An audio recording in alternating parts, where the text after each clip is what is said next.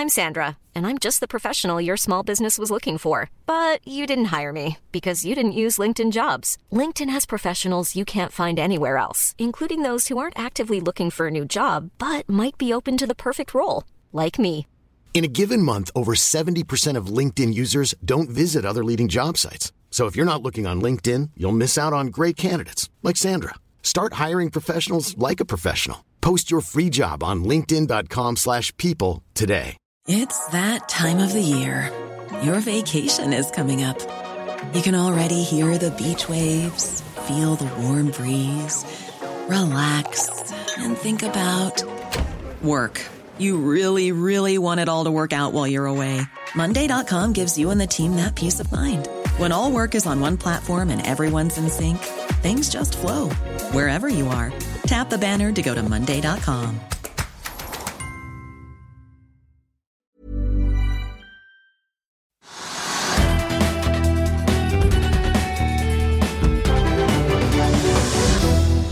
Velkommen til Økonominyhetene. Det er 25. april, og for en blåmandag det har blitt for mange investorer. For etter fallet i det amerikanske aksjemarkedet fredag på over 2,5 så fortsatte både de asiatiske og europeiske aksjemarkedene å rutsje videre nedover med god fart i dag. Nikkei og Hang Seng-indeksene i henholdsvis da Japan og Kina stengte tidligere i dag ned 1,9 og 3,7% mens vi på det europeiske kontinentet har sett et fall i dagsindeksen i Frankfurt på 1,3 i dag, mens den franske kakkindeksen er ned nesten 2% Så selv om Emmanuel Macron altså vant med god margin i den andre runden i det franske presidentvalget nå i helgen, så så ikke det ut til å lindre smerten for franske investorer nevneverdig.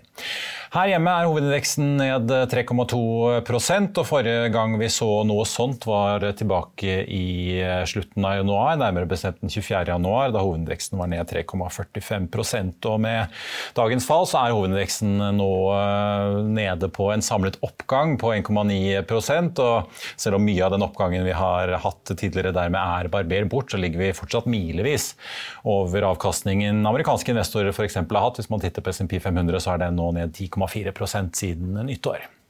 Vi skal snakke mer om markedet i dagens sending, og vi får besøk av forvalter Ole André Hagen i First Impact-fondet. Vi får også teknisk analyse av XXL. Det blir også dagens aksjetips.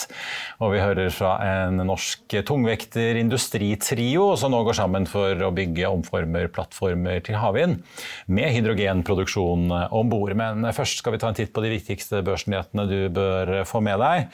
Nordsjøoljen er ned 4 i dag og ligger nå inne med en spotpris på så vidt over 101 dollar fatet, mens den amerikanske lettoljen har bikket under 100 dollar fatet igjen og ligger på rundt 97 dollar fatet. Ifølge DB Markets oljeanalytiker Helge André Martinsen så er det koronaoppblomstringen i Kina med påfølgende nedstengninger som er hovedårsaken til prisfallet. Bekymringene for utsiktene for etterspørselen for olje fra verdens største importør den vokser. Og vi har sett på Oslo Børs i dag at flere oljeaksjer har blitt sendt kraftig ned. Equinor, Aker BP og Vår Energi er alle ned over 5% så langt i dag. Og mens det er dystert, dystert, for olje og gass, så er det samtidig et lite lysglimt i luftfarten. Avinor er ute med sine passasjertall for uke 16. Og for første gang siden starten av 2020, altså ved inntoget av koronapandemien, så er nå passasjertallene i en uke i over det normalåret 2019, og nærmere bestemt da 7% over samme uke i 2019, hvis man ser på tallene for Oslo lufthavn. Det har vært snakket eh, mye om maktkampen som har pågått i eh, laksebransjen i det siste, nærmere bestemt av NRS, og eh, om det ble noen fusjon med SalmoNor eller ikke. Det ser det ikke ut til å bli med det første, men i dag skjedde det noe annet. Charles Høstlund gjør nemlig comeback som konsernsjef, denne gang som vikar.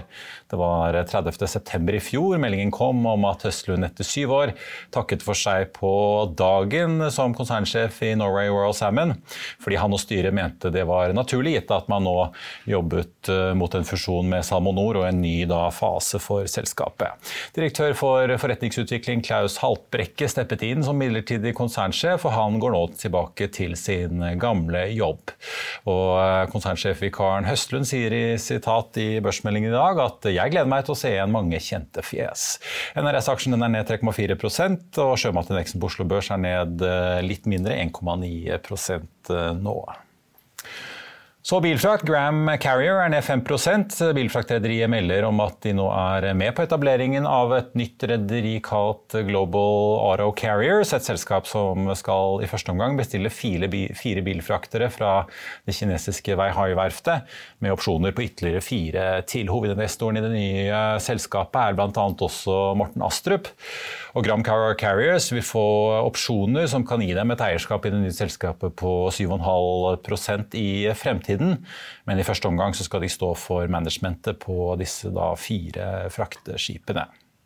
Og så får vi også ta med en litt uh, formell nyhet fra Oslo Børs. Hidril er nå besluttet å tas av Oslo Børs 27.4. Aksjen har ikke vært tradet siden 22.2, da handelen ble stanset uh, siden det da pågikk en restrukturering i USA. En såkalt Chapter 11-prosess for andre gang i Sidril. Nye Sidril i Gåsøen er ventet inn på Euronex Expand, altså det som het Oslo Access eh, tidligere. Og det vil da skje litt eh, senere i år.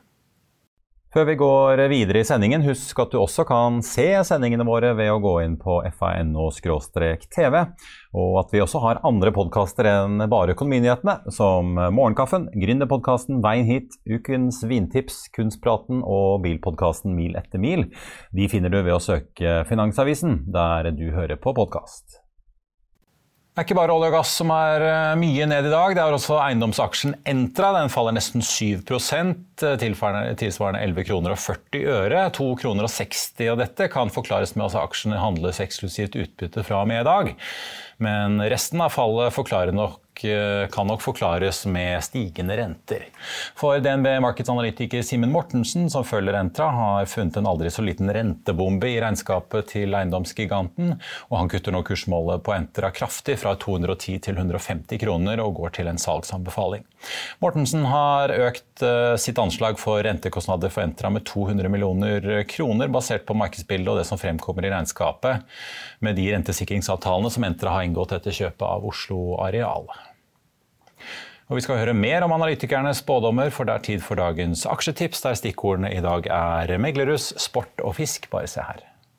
Kan meglerbransjen ha passert peak earnings? En dårlig vinter for XXL og nye regnestykker på laks. Det er mandag 25. april, og dette er de viktigste oppdateringene fra meglerhusene. Pareto kutter XXL fra kjøp til hold, og kutter kursmålet fra 21 til 12 kroner. Det skjer to dager før XXL slipper kvartalstallene sine på onsdag. Ifølge TDN Direkt venter Pareto et fall i omsetningen på 10,6% i første kvartal, like for like, bl.a. grunnet en dårlig vinter og økt kostnader. Etter det kraftige kursfallet på starten av 2020 så tok det ikke lang tid før det ble full fart i finansmarkedet igjen, og meglerhusene har hatt hektiske dager de siste to årene. Nå ser imidlertid Sparebank1 Markets en fare for at man har passert inntjeningstoppen for denne gang. Meglerhuset tar nå opp dekningen av sin børsnoterte konkurrent ABG Sundal Collier med et kursmål på 8 kroner og 60 øre og en nøytral anbefaling. Det melder nyhetsbyrået TDN. Sparebank1 Markets ser en økende risiko for utsiktene i både i år og neste år som følge av økt geopolitisk risiko og potensialet for at sentralbankene kan skape en resesjon. Samtidig som ABG også har en pipeline av ordrer som virker robust og en stadig økende markedsandel i Sverige. ABG slipper for øvrig sin kvartalsrapport allerede i morgen på tirsdag. Et eh, sterkt tank- og containersegment vil ifølge Pareto drive Stolt-Nielsens inntjening til det neste nivået, og man kan forvente tre solide år fremover. Meglerhuset løfter kursmålet på aksjen fra 200 til 260 kroner. Og til slutt så må vi dykke ned i havet, for to meglerhus er ute med oppdateringer på sjømataksjene. La oss begynne med Sparebank1 Market, som kutter SalMar ned til salg, mens Movi og Bakkafrost tas ned til hold. Samtidig holdes Grieg og Lerøy Seafood oppe på en kjøpsanbefaling. Meglerhuset mener dagens sterke markedsutsikter i stor grad er reflektert i den nåværende verdsettelsen av oppdrettsaksjene, og venter i tillegg betydelig lavere spotpriser for laks etter etter sommeren.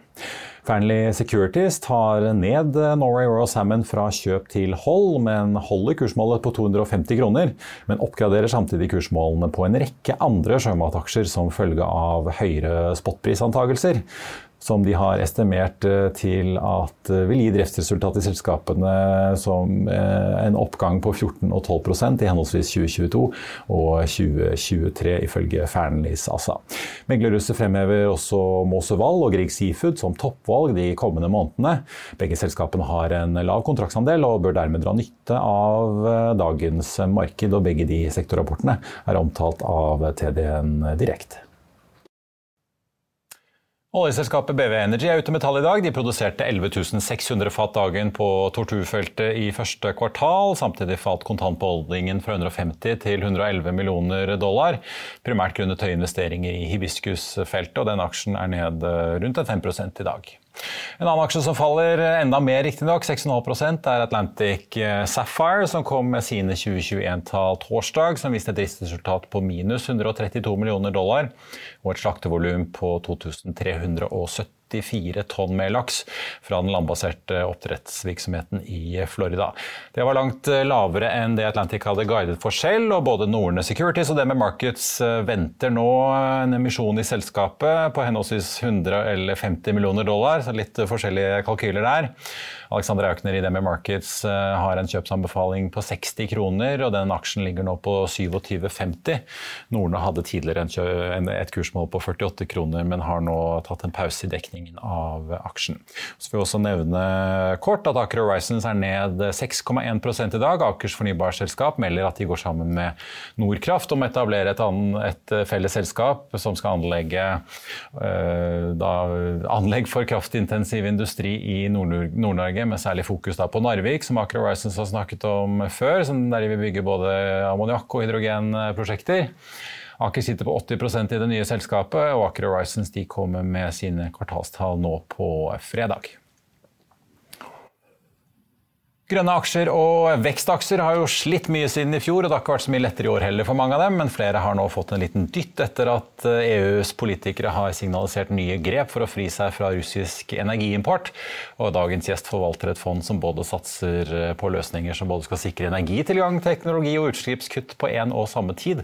Så da er det jo ikke akkurat rolige dager på jobb, eller hva Ole André Hagen forvalter i First Fondene. Velkommen. Jo, tusen takk for at jeg har fått komme. Du, kanskje vi skal begynne med, Før vi kaster oss over fondet ditt, kanskje vi skal begynne med markedet vi ser i dag. Ganske, et ganske kraftig tilbakefall eh, som vi ikke har sett av, i hvert fall på Oslo Børs siden eh, litt tidligere i vinter. Eh, hva tenker du som forvalter når du ser en så bred nedgang som det vi har sett i dag?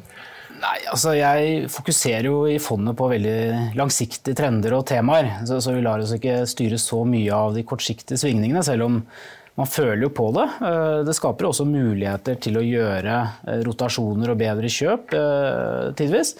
Nå er jo ikke fondet eksponert i Oslo Børs, men det, jo, det, som skjer på Oslo Børs er jo en generell betraktning av hva som skjer rundt omkring i børsen. Og så langt i år så har jo Oslo Børs for så vidt vært en børs som har gjort det veldig bra, i en verden hvor spesielt amerikanske aksjer og verdensindeksen er jo ned med 10-11 så langt i år. Så, sånn sett så er det jo kanskje jeg har vært utsatt for litt rødere markeder enn det man generelt har vært her i Oslo. Da. Men eh, Kan du skylde på den amerikanske sentralbanksjefen Jerome Powell da, når han går og varsler at det kanskje blir eh, holdt jeg på å si, doble renteøkninger nå i mai? At han skal øke med en halv prosent, eh, et halvt prosentpoeng på rentebøttet? Eller er det andre drivere som du ser på en måte Det er veldig sammensatt alt som skjer i markedene. Og du har jo renter på, på ene siden, selvsagt. Det at vi har en krig som påvirker energitilgangen i store deler av verden, altså både russisk olje og ikke minst gass i Europa, påvirker også makroen og muligheten for selskaper i å vokse. Altså, energi er jo en, en vekstfaktor i seg selv. Eh, samtidig ser vi også i Kina, hvor det er en nedstenging, eller delvis nedstenging som følge av covid, hvor de kjører en eh, zero tolerance eh, mot covid. og det også påvirker jo de globale markeder. Så det er jo, skoen trykker nok flere steder her. og Samtidig har vi også flere år med ganske sterke aksjemarkeder bak oss. Det er en forholdsvis høy prising av hvert av de generelle markeder, og det gjør jo selvsagt at man er jo veldig sårbare for eh, korreksjoner. Jeg må spørre deg litt, ta litt om fondet ditt. First Impact, etablert eh, like før jul eh, i 2020, desember. Mm. Hva er det som er hoved... Jeg snakket jo litt om det, på en måte, utslippskutt og grønne aksjer. Hva er det dere primært satser på? Nei, Det er jo et, et impact-fond. Det vi ser etter, er selskaper som løser noen av de utfordringene verden står overfor. Og nå er jo Verden står overfor veldig mange utfordringer. Det er mye å ta ja. Og de er jo definert i FNs bærekraftsmål. Det er jo 17 bærekraftsmål. og du kan si Den virkelig store utfordringen knytter seg jo til det grønne skiftet. Altså vi, så lenge vi slipper ut mer CO2 i atmosfæren, så blir det varmere på jordkloden. Eh, her i Norge så er det jo litt sånn sommer-julestemning nå i slutten av april, så, så, vi kommer jo litt sånn greit unna med det så langt, tilsynelatende. Eh, andre steder i verden så er det jo vært mye branner, eh, sånn som i fjor og i forfjor, i, spesielt USA. Eh, så langt i år har det vært flom i Australia. Der har det vanligvis vært litt tørt og, og skogbranner. Nå er det flom som har tatt livet av over 400 eh, mennesker. Eh, og, og titusener som har da mista hjemmene sine. Så, eh, så, så, mens vi her har fått litt sånn vårstemning og sommerstemning, så, så er klimaendringene de er reelle. og, og, og vi, vi må gjøre noe med det. Så 88 av, eller Landene som står for 88% av CO2-utslippene i verden, har jo sagt at de skal avvikle bruken av eh, CO2-utslipp, eh, og da, dermed også fossile brennstoffer. Og det mener jo vi er eh, en forretningsmulighet og, og, og, og, investeringsmulighet. Så vi tror at selskaper som er eksponert for løsninger knytta til det grønne skiftet, tror vi vil gjøre det betydelig bedre over de neste 10-15-20 årene enn selskaper som er etablert inn mot den gamle verdikjeden. Eh, og når det gjelder det grønne skiftet, så er jo det mer enn bare å kjøpe havvindselskaper eller hydrogenselskaper. Vi ja, for du sitter jo i dansk danske Vestas, eh, som ja. er kjent for å lage vindmøller. Ja. ja. vi sitter veldig bredt. og jeg vil si at Man kan egentlig si at det grønne skiftet består av tre ting. Det ene er at alt som kan elektrifiseres, skal elektrifiseres. Og I Norge har vi kommet ganske langt. Vi, vi bruker jo ikke gass i oppvarming verken av mat eller av husene våre. Vi, vi bruker elektrisitet der. Det er ikke tilfellet i eh, store deler av verden. Eh, Sammen med transport. Der har vi kommet ganske langt med å elektrifisere bilparken. Det skal også resten av verden gjøre. Eh, og når man har elektrifisert så mye som mulig, så er det jo viktig at den elektrisiteten er så ren som mulig. Og Der er jo utbyggingen av solenergi, vindenergi, veldig viktige tiltak. Og Så kan man se om atomkraft kommer til å spille en rolle her også, eller om eh, CO2, altså carbon capture, eh, kommer til å spille en rolle her. Men man har allerede løsninger i dag med vind- og solenergi som er faktisk billigst. Eh, og nå med høyere energipriser som følge av lavere eksport fra Russland, så er jo det blitt enda dyrere med elektrisitet, som gjør at fra naturgass som gjør at da fornybar er enda mer konkurransedyktig. Så vekstutsiktene der er jo veldig kraftige. Og det siste innenfor det grønne skiftet er jo effektivisering. Altså at vi går for mer energieffektive løsninger også. Og varmepumper, type belysning, LED-belysning, eh, det, det er mer sensorer. Og her kommer også teknologien, altså type 5G eller Internet of Things, altså hvor, hvor, hvor alt mer og mer kobles sammen til et nettverk. Ja, for du sitter jo i altså alt fra Tesla, elbiler, Vestas, havvindmøller til Eriksson som lager mobilnett. Ja. Det er jo en ganske bred spredning? Ganske bred spredning. Eh, så Vi kan si vi har fem overordna tema som fondet fokuserer på. og En av de er jo teknologiselskaper. For vi tror at det de utfordringene verden står overfor, krever det ny teknologi til å løse. Og innenfor teknologi så har vi igjen fire hovedtemaer hvor kunstig intelligens, skyløsninger og da også 5G, tingenes internett, er undertemaer. Og Der skriner vi da etter selskaper innenfor de temaene her, og ønsker å ha da en balansert, diversifisert portefølje eksponert mot de veksttrendene som vi har identifisert men som typisk historisk også har vist god track record både på omsetningsvekst og lønnsomhet. Så Derfor finner du i vår portefølje veldig lite av det vi kanskje i Norge forbinder med det grønne skiftet. Altså det er veldig få selskaper som ikke tjener penger eller har tjent penger i ganske mange år i min portefølje. Du har ikke så mye holdt jeg på å si, Euronex Growth-selskaper som Nei, ingen, litt uh, tabloid kaller? Ja. Ingenting, og har ikke hatt det heller. Den eneste aksjen som så vidt har hatt en liten svipptur innom porteføljen, var Saptec. Uh, ja, elbilladeren. Den, ja, den uh, lukta også vårt fond på, hadde en veldig liten posisjon. Eh, men når toppsjefen der syntes det var mer interessant å bli investor enn å lede det selskapet, som jeg da en del aksjer? Ja. ja.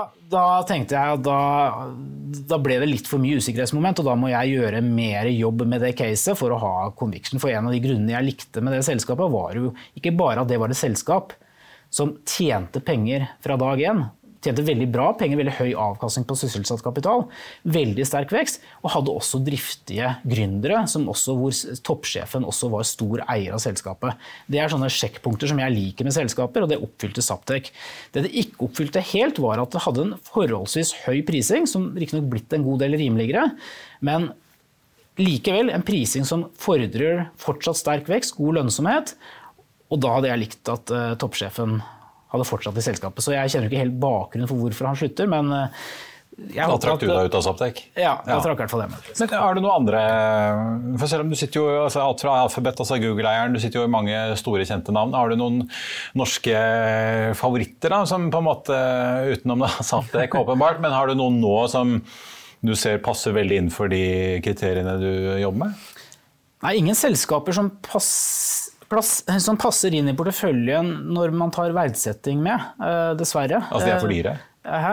De er for dyre? De er for dyre, stort sett. Altså, jeg, jeg var og besøkte Nell forrige uke. og jeg heier jo på alle som prøver å ha løsninger osv. Men når jeg begynner å se på verdsettingen, så, så, så, er jo selskapet verdsatt til rundt 20 milliarder kroner når du trekker ut cashen i selskapet. Og når du kikker i balansen, som jeg liker å gjøre, så har de rundt 600 millioner kroner i eh, anleggskapital. Eh, og, og, da er det helt klart at da er det en veldig høy implisitt prising eh, av det som skal komme. Og, og når selskapet attpåtil taper en halv milliard kroner i året, da, da, da, da, venter jeg og ser litt. Uh, de er veldig flinke på å kjøre emisjoner og hente frisk kapital, i hvert fall. Ja, ja det, det, det, det, er det. Men uh, som sagt, det, blir for dyrt uh, for, for, meg å se på da. Så det kan godt hende det er en god investering. Det aner jeg ikke. For, I min verden så, så, virker det å være veldig overprisa. Og den kan jo falle med 90% og likevel fortsatt se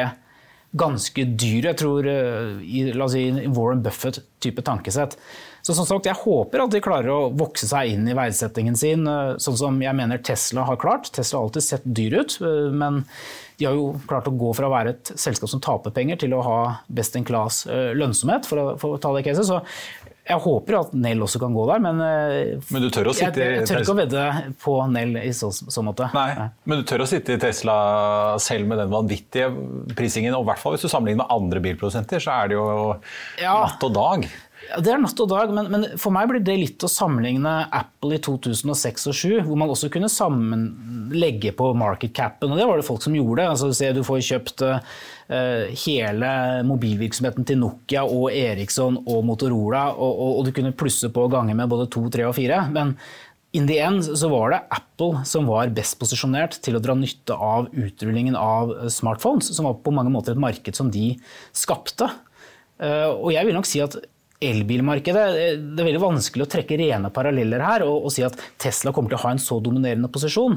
Men det vi kan konkludere med så langt, har jo vært at Tesla ikke bare har imponert på teknologifronten, de har vært viktig bidragsyter til å få opp volumene, som igjen har gjort at batteriprisene har falt så mye som de har gjort, som gjør at nå begynner elbiler å bli like billige som, eh, eller dyre som vanlige bensin-dieselbiler. I hvert fall med 20 kroner literen, ja. ja og, og, og, og, det vi ser nå er jo at måten de produserer biler på, det er der jeg tror konkurrentene er aller mest redd og imponert. Altså Toppsjefen i Volkswagen går jo åpen ut og sier at eh, Tesla er ekstremt tøffe konkurrenter, og de er bedre enn Volkswagen i dag.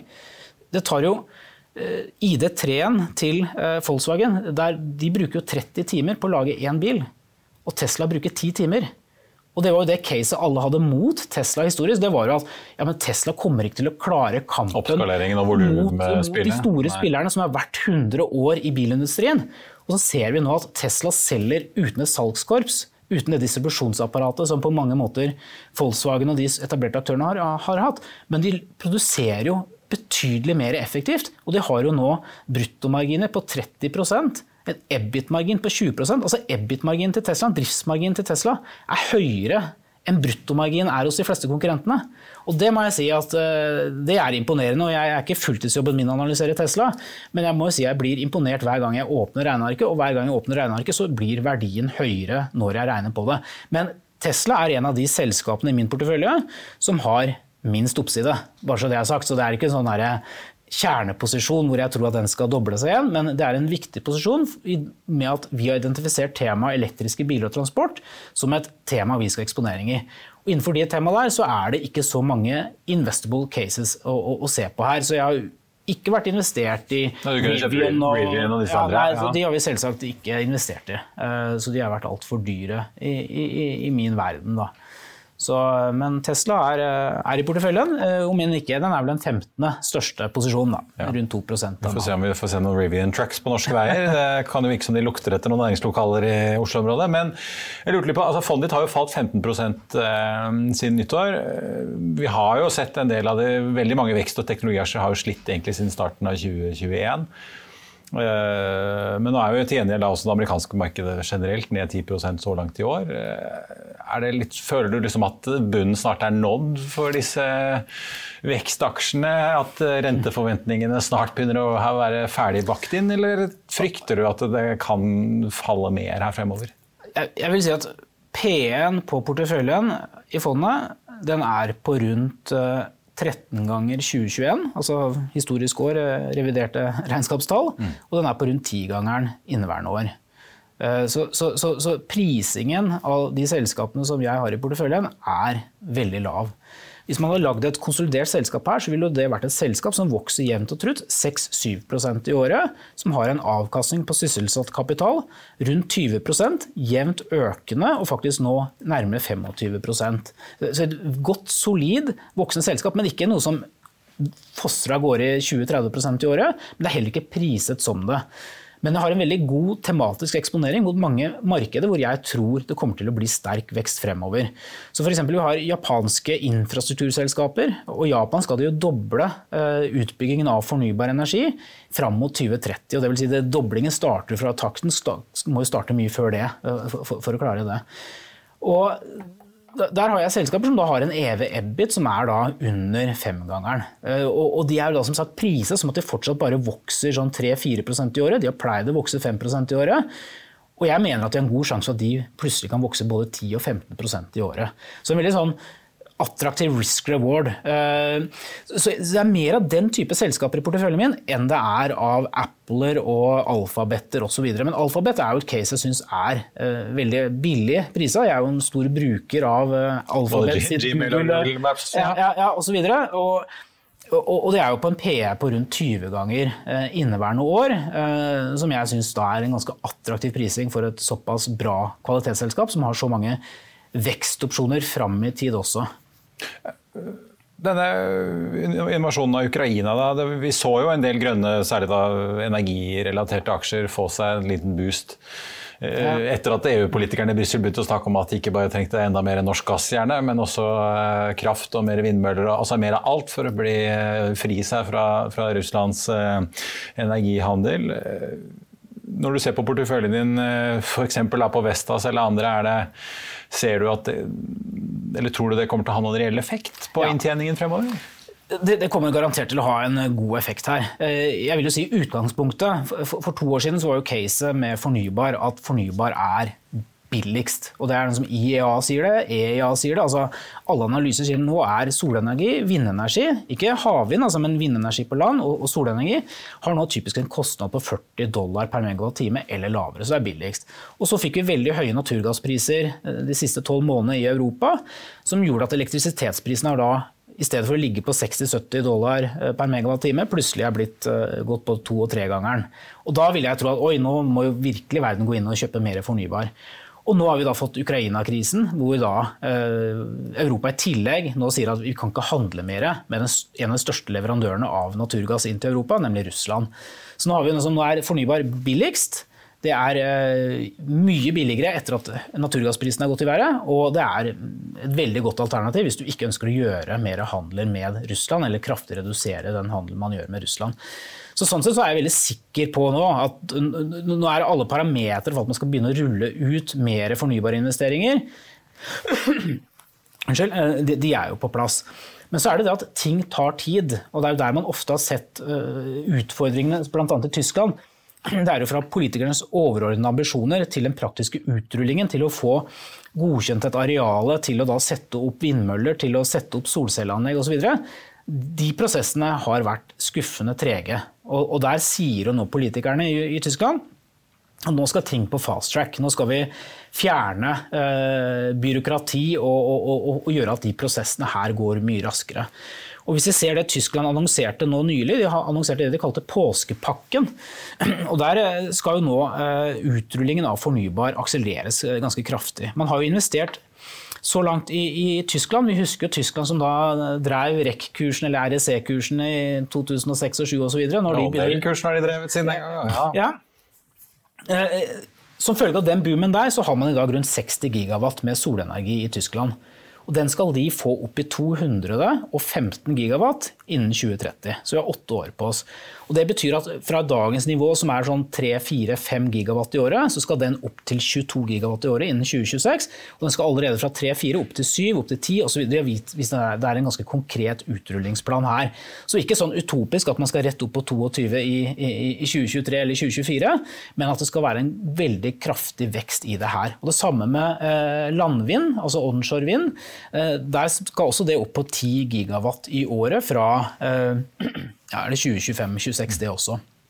Eh, så der skal man også doble installert base fra rundt 55 gigawatt til 115 gigawatt var det man skulle ha i, i, i vindenergien innen 2030. Så her rulles det, kommer det til å rulles ganske kraftig ut, og Tyskland vil bidra til det. Men selvsagt Kina, som er en mye større aktør i det globale markedet, vil jo også gi en kraftig boost i solenergi. De har jo allerede vedtatt en del store prosjekter. Og de har nok kanskje ikke et problem med, som vi i Europa har med å handle med Russland. Eh, men det de generelt har et problem med, er at de ønsker å importere mindre fossilt. De ønsker å bruke mindre fossilt i Kina pga. all luftforurensningen det skaper. Og også da selvsagt bli mindre avhengig av nabolandet. Og de ser jo at det å rulle ut fornybar sol spesielt, også vindenergi, er jo eh, en veldig god strategi. Så der ser vi at Bloomberg New Energy Finance nå estimerer jo etter 30% vekst, eller altså kraftig vekst i fjor, så spår de nå en vekst på 48% fra 2021 til 2022. Og der er jo Største posisjon i fondet er jo et selskap som heter Daco. Eh, som leverte kvartalstall forrige uke, hadde en EBDA på 800 millioner.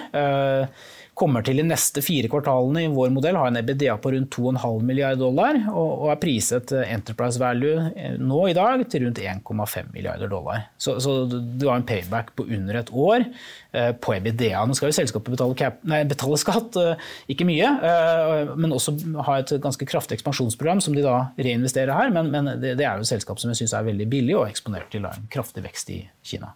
Men Apropos kvartalstall, altså nå står vi jo midt i kvartalssesongen for første kvartal. Eh, er det, noe sånn spesielt du følger med på i din sektor? Er det noen sånn nøkkelindikatorer eh, f.eks.? Altså økende råvarepriser, vil det liksom tyne lønnsomheten til en del av disse fornybare prosjektene? Det er, det er jo viktige temaer som du snakker om her. Og, det er jo sånn overordnede temaer som på en måte man hele tiden eh, ser når kvartalstallene ligger fram her nå. Eh, vi har jo en posisjon i et eh, sykehusselskap i USA som leverte en, en ganske svak kursutvikling etter at de varsla om at lønnsøkninger kommer til å påvirke guidansen for inneværende år.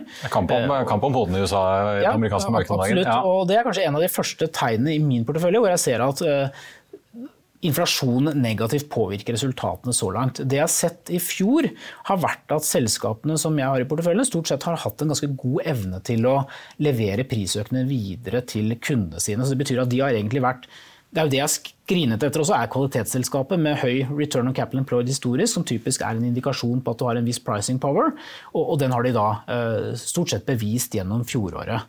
Eh, men nå begynner vi å se at noen begynner å få innslag som sagt inn i, eh, via lønnsdelen. og Det er første case som, i min portefølje hvor jeg er blitt eksponert for det. faktisk. Ja. Det, det, var nå før helgen. Ja. Ellers så er vi, vi er ikke sånn at vi, I mitt fond så er vi jo veldig fokusert på de overordnede, langsiktige trendene. Eh, jeg har jo DCF og Target-priser på samtlige selskaper i porteføljen. og Det er ikke slik at jeg er religiøs menneske på hva jeg mener de er verdt, men det er jo avvik der vil jo ofte påvirke om jeg vekter meg opp eller ned. Og så vil jeg jo ofte sjekke hvis det plutselig har blitt veldig mye rimeligere. Eh, så må du jo gå inn og, og, og sjekke kvartalstallene, eh, sjekke conference calls, analytikerrapporter osv. for å finne ut er det en grunn til at den er blitt rimeligere. Er den blitt mindre verdi i min modell også? Eller er det her en kjøpsmulighet? Så det er mer slik jeg opererer, og ikke sånn ekstremt det er veldig sjelden jeg kjøper en aksje i forkant av kvartalsrapport fordi jeg tror tallene blir gode. Bedre, eller har noen det, teorier. Nei, det, er, det er ikke min uh, forse i investeringsverdenen. Da, så jeg prøver mer å fokusere på de langsiktige trendene. Men der gir jo kvartalsrapporter både enkeltvis og også generelt når man ser de sammen, ganske godt innblikk av uh, styrefarten i verden og, og, og, og hvorvidt de temaene jeg søker eksponering mot, om de får mer vind, eller om det er litt motvind i, i de casene. Da. Så det er jo selvsagt et viktig fokus. Har du noen spådom for hvor fondet står eh, 31.12. i år, da? Nei, det har jeg ingen spådommer om. Eh, Det jeg kan si generelt, er at eh, vi har eh, oppsiden, hvis du ser enkeltvis på target-prisen som vi har i modellen, er veldig høy. Eh, Nå er ikke det en garanti at jeg regner riktig, ei heller at de kommer til å handles på mine target-priser, men jeg er ekstremt komfortabel med den oppsiden jeg ser i samtlige cases jeg har i, i porteføljen. Eh, Så jeg vil si at mulighetene for at fondet her kan gjøre det veldig godt i tiden fremover, er jeg veldig komfortabel med. Men det å spå disse svingningene på kort sikt altså Nå er det som sagt, nå trykker skoen veldig mange steder rundt omkring i verden. Du, vi nevnte Fed, vi nevnte Russland, Ukraina-krigen og, og covid-responsen i Kina. Og, Og høye råvarepriser. ja. Tilgangen til materialer som også påvirker enkelte grønne aksjer, selvsagt. Så, så det, bekymringslisten er jo den er ikke tom, den heller, for å si det sånn.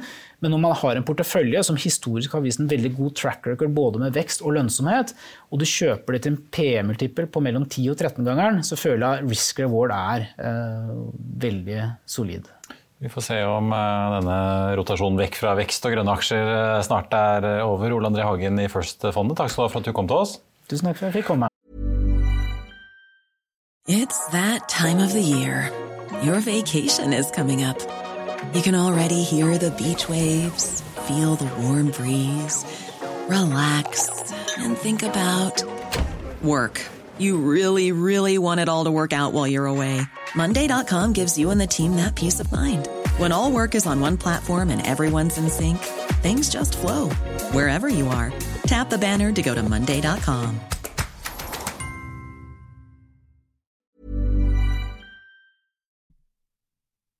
I'll see you in court.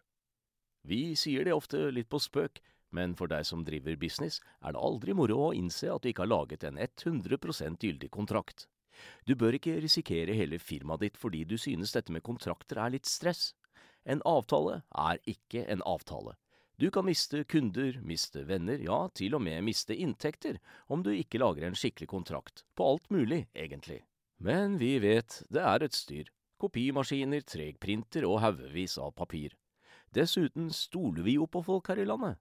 Det er ofte litt kleint å skulle be om en signatur for alt mulig, ja, for mye av styret handler også om jakten på underskriften. Det finnes en enkel måte å løse dette på, Dukkobit, en trygg, effektiv og get this, gratis måte å sikre seg en god natts søvn pluss en juridisk bindende avtale. Dukkobit-appen har de strengeste sikkerhetskrav i bunn, samt en EU-godkjent og sertifisert teknologi. Framover vil det bli behagelig å spørre du, skal vi skrive under på det, eller? Kom i gang på dukkobit.no. Vi skal holde oss litt i det grønne sporet, for nå går Hightech Visions oljeservicekonsern Morel sammen med Kongsberg Maritime og kraft- og industrikonsernet Arendal Fosse Kompani sammen for å satse på havvind. Nærmere bestemt etablerer de selskapet Hidepoint, som skal bygge omformerplattformer for havvindparker, og med hydrogenproduksjon på si. Vi snakket med partene om hvorfor akkurat de fant sammen, hvorfor de satser på dette, og ikke minst hvorfor de tror deres løsning kan løse en del floker i strømnettet på land. Bare se her. Morten Henriksen, konserndirektør i Arendals eh, Fosse Kompani. Dere er jo et gammelt og tradisjonsrikt industrikonsern. Dere driver jo med kraftproduksjon, som dere jo har tjent veldig godt på med høye strømpriser. Men dere er jo også involvert i mange ulike virksomheter. Eh, Hvorfor går dere nå inn i disse omformerplattformene? Nei, altså I Arendal Foss så har vi en bred og god satsing innenfor alt som har med det grønne skiftet å gjøre. Vi jobber nå ganske aktivt med en rekke satsinger innenfor, eh, innenfor eh, grønn energiproduksjon. Vi er involvert i havvind, vi er involvert i ammoniakk, hydrogen. Og dette er på en måte en fortsettelse i det samme sporet. Vi leiter etter områder hvor vi kan utgjøre en forskjell eh, i en global industri. Og her har vi funnet et område som vi tror sammen med våre partnere at vi kan utvikle til en global eksportindustri for Norge.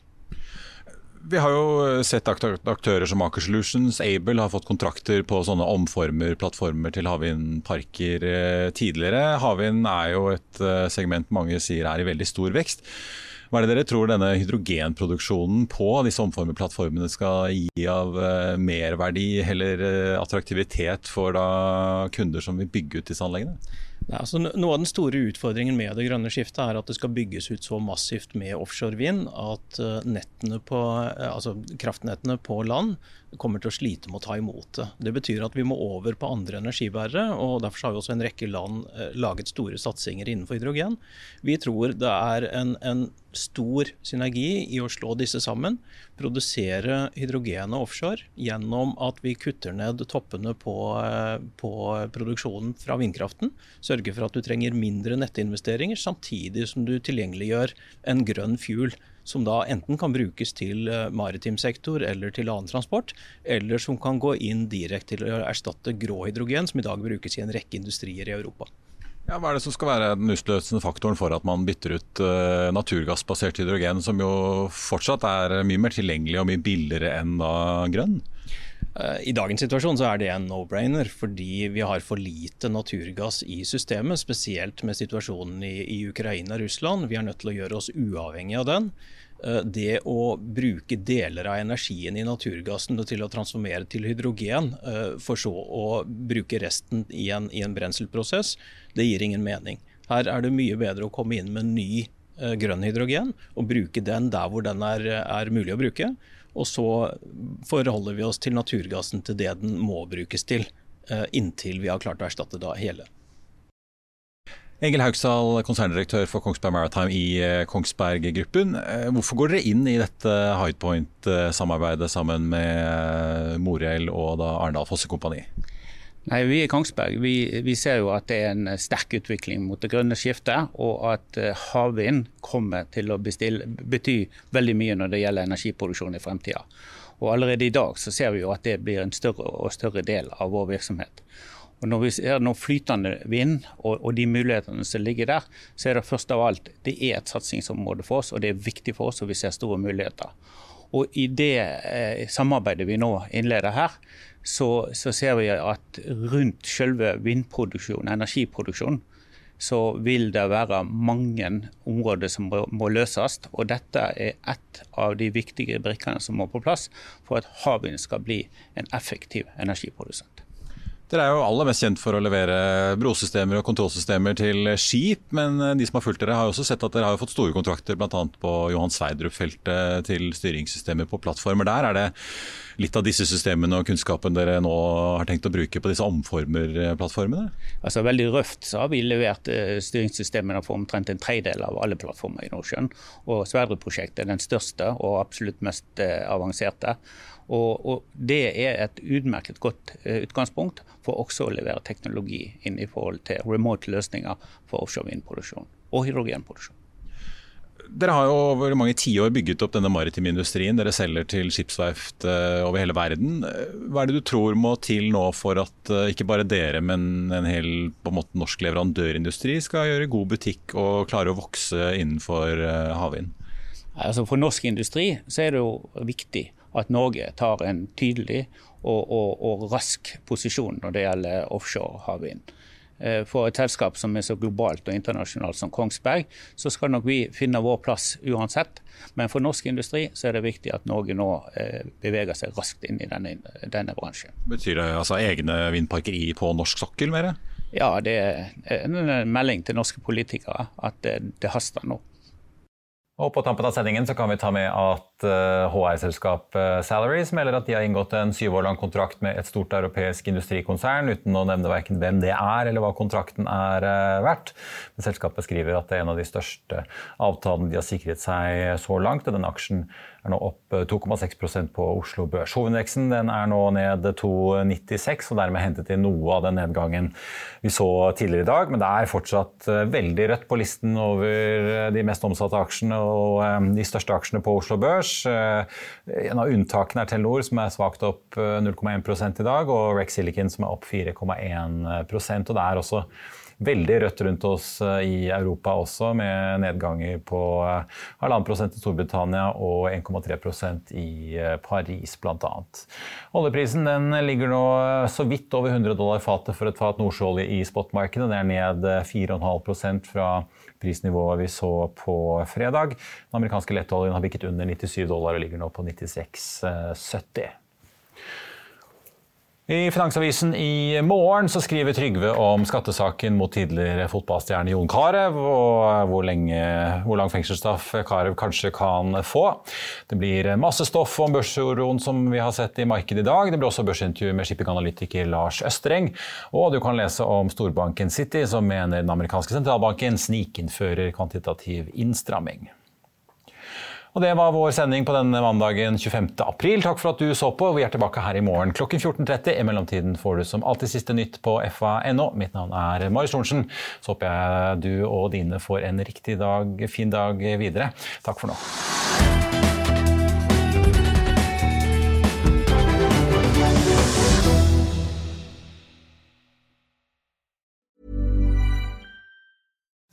Imagine the softest sheets you've ever felt. Now imagine them getting even softer over time. That's what you'll feel with Bowl and Branch's organic cotton sheets. In a recent customer survey, 96% replied that Bowl and Branch sheets get softer with every wash. Start getting your best night's sleep in these sheets that get softer and softer for years to come. Try their sheets with a 30-night guarantee. Plus, get 15% off your first order at bowlandbranch.com. Code BUTTERY. Exclusions apply. See site for details. Planning for your next trip? Elevate your travel style with Quince. Quince has all the jet setting essentials you'll want for your next getaway, like European linen, premium luggage options, buttery soft Italian leather bags, and so much more. And is all priced at 50 to 80% less than similar brands. Plus, Quince only works with factories that use safe and ethical manufacturing practices. Pack your bags with high-quality essentials you'll be wearing for vacations to come with Quince. Go to quince.com slash pack for free shipping and 365-day returns. When you make decisions for your company, you look for the no-brainers. If you have a lot of mailing to do, stamps.com is the ultimate no-brainer. Use the stamps.com mobile app to mail everything you need to keep your business running with up to 89% off USPS and UPS. Make the same no-brainer decision as over 1 million other businesses with stamps.com. Use code program for a special offer. That's stamps.com, code program. Økonominyhetene er en podkast fra Finansavisen. Programledere er Marius Lorentzen, Stein Ove Haugen og Benedikte Storm Bamvik. Produsenter er Lars Brenden Skram og Bashar Johar. Og ansvarlig redaktør er Trygve Hegnar.